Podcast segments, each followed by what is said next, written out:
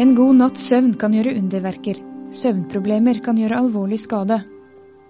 Velkommen til tidsskriftets podkast for nummer 17 2009.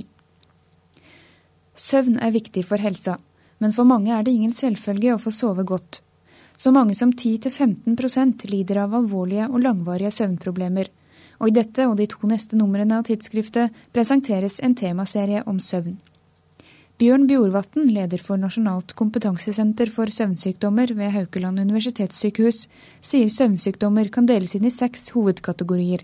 Og det er alt fra da insomni eh, til døgnrytmeforstyrrelser, søvnapné, eh, urolige bein, parasomnier og eh, hypersomnier, slik at det er et stort spennvidde i disse lidelsene. Selv er han førsteforfatter på en artikkel om den vanligste søvnlidelsen, insomni. Kronisk insomni forekommer hos rundt 10% av den voksne befolkningen. Insomni er det som eh, eh, blir kjennetegnet av dårlig søvn, altså innsovningsvansker, urolig nattesøvn, eller at man våkner opp for tidlig om morgenen. Altså De som sover rett og slett dårlig, og, og sliter da neste dag med det. Det finnes ulike typer insomni. Psykofysiologisk, paradoksal og idiopatisk insomni, og insomni ved psykisk eller fysisk lidelse eller ved bruk av medikamenter eller stoff. Diagnosen stilles basert på anamnesen. Diagnosen insomni er en subjektiv diagnose.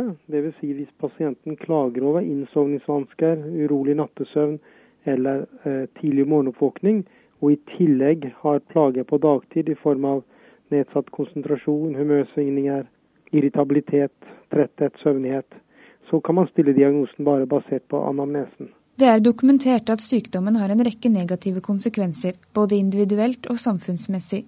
Søvnløshet kan gi økt risiko for psykiske lidelser, redusert livskvalitet, redusert kognitiv funksjon og hukommelsesproblemer, og på sikt føre til sykefravær og uføretrygding.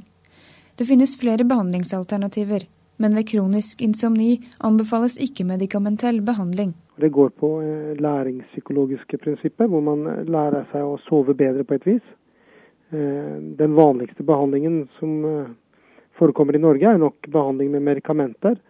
Og medikamenter kan nok være effektive iallfall kortvarig, ved kortvarig insomni, men blir ikke anbefalt ved langvarige plager. Men dessverre så blir altfor mange behandlet med disse medikamentene i flere år.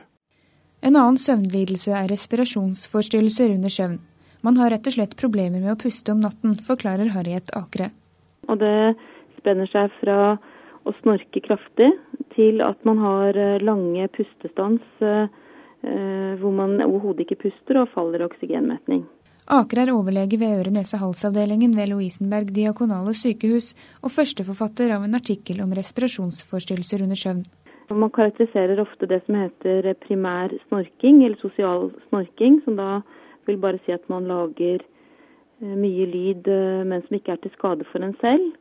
Og så man, kaller man noe som heter upper airway resistance syndrom, hvor man bruker et økt eh, negativt eh, eh, trykk for å trekke luft ned i lungene.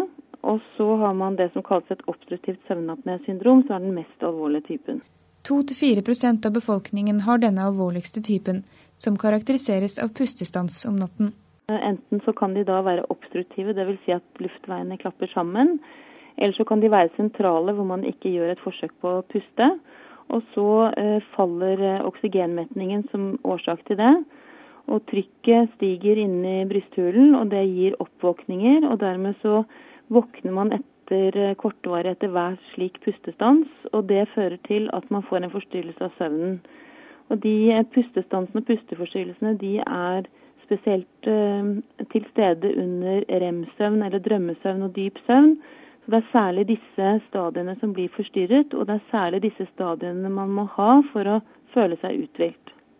Hva er symptomene på respirasjonsforstyrrelser under søvn?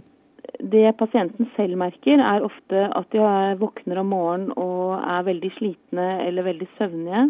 De som ligger ved siden av dem, de observerer jo da ofte kraftig snorking, og at det blir helt stille, at de slutter helt å puste.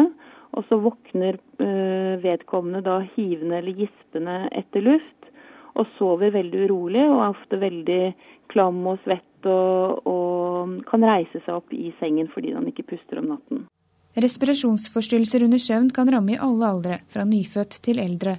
Hos barn i alderen to til fem år er det gjerne store tonsiller eller barnepolypper som er årsaken. Fra man er middelaldrende blir musklene i halsen slappere. De første symptomene på respirasjonsforstyrrelser under søvn er søvnighet og konsentrasjonsvansker. Men etter hvert så kan det gi altså, eh, depresjons- og angsttilstander og økt reaksjonstid med fare for eh, f.eks. trafikkulykker og arbeidsulykker, og det er nokså økt. I tillegg eh, så gir den dårlige søvnkvaliteten lettere infeksjoner, så man har ofte hyppigere syk. Og når man har dette i et uttalt tilfelle, så fører det til hjerte-karlidelser som høyt blodtrykk, hjerteinfarkter, hjerneblødninger og eh, også sukkersyke. Diagnosen stilles ved søvnundersøkelser, og både hos barn og voksne er polysomnografi gullstandarden. Ved slike undersøkelser har man sett at noen våkner mer enn 30 ganger i timen. Behandlingen som gis, kommer i hovedsak an på pasientens alder. Hos barn så er nesten alltid det å, å fjerne barnepolyppen og eh, mandlene nok. Og en sjelden gang, særlig hos de som da har eh, ansiktsdeformiteter og syndromer, så må man behandle de med kontinuerlig overtrykk eller CPAP. Eh, hos voksne, eh, hos de som har en middels grad eh, av søvnapné, bør i første omgang behandles med CPAP. Dernest eh, kan man da vurdere bittskinner eller eventuelt kirurgi. Hos eh, unge voksne med store mandler er det ofte veldig effektivt å gjøre eh, fjerne mandler kombinert med en ganeplastikk. Når man snakker om søvnproblemer, kan det være greit å vite hva som er normalt og hva som er unormalt. Det finnes ulike definisjoner på det, men Bjørn Bjorvatn forteller om en pekepinn som brukes i forskningssammenheng. Over 30 minutters innsovningstid blir, eh, blir sett på som da unormalt lenge, og over 30 minutter med oppvåkninger i løpet av natten blir sett på som unormalt. Og også da 30 minutter oppvåkning før man egentlig ønsker å våkne opp, blir også sett på som da unormalt. Postdok ved Universitetet i Bergen, Jonne Grønli, sier som alle er enige om at søvnbehovet er svært individuelt. Men de aller fleste sover mellom seks og ni timer. I artikkelen 'Basale søvnmekanismer' understreker hun viktigheten av at leger har kunnskap om mekanismer for søvn og våkenhet, slik at de kan gi god informasjon og korrigere pasientenes ofte feilaktige oppfatninger. Hun forklarer at søvnen ikke bare reguleres av søvnbehov, men også av døgnrytme og atferd. Døgnrytmen den følger skiftet mellom lys og mørke. Og det er flere både fysiologiske og biokjemiske funksjoner i kroppen som har et mønster som er basert på sånn, sånn aktivitets-hvilerytme. Så tidspunktet man står opp, hvor man eksponeres både for lys og aktivitet er uhyre viktig for å stille døgnrytmen, som egentlig er mye lengre enn 24 timer. Er nærmere 25 timer. Eh, så er det jo vanlige atferdsfaktorer som spiller inn, ja, f.eks. tidspunkt man går til sengs.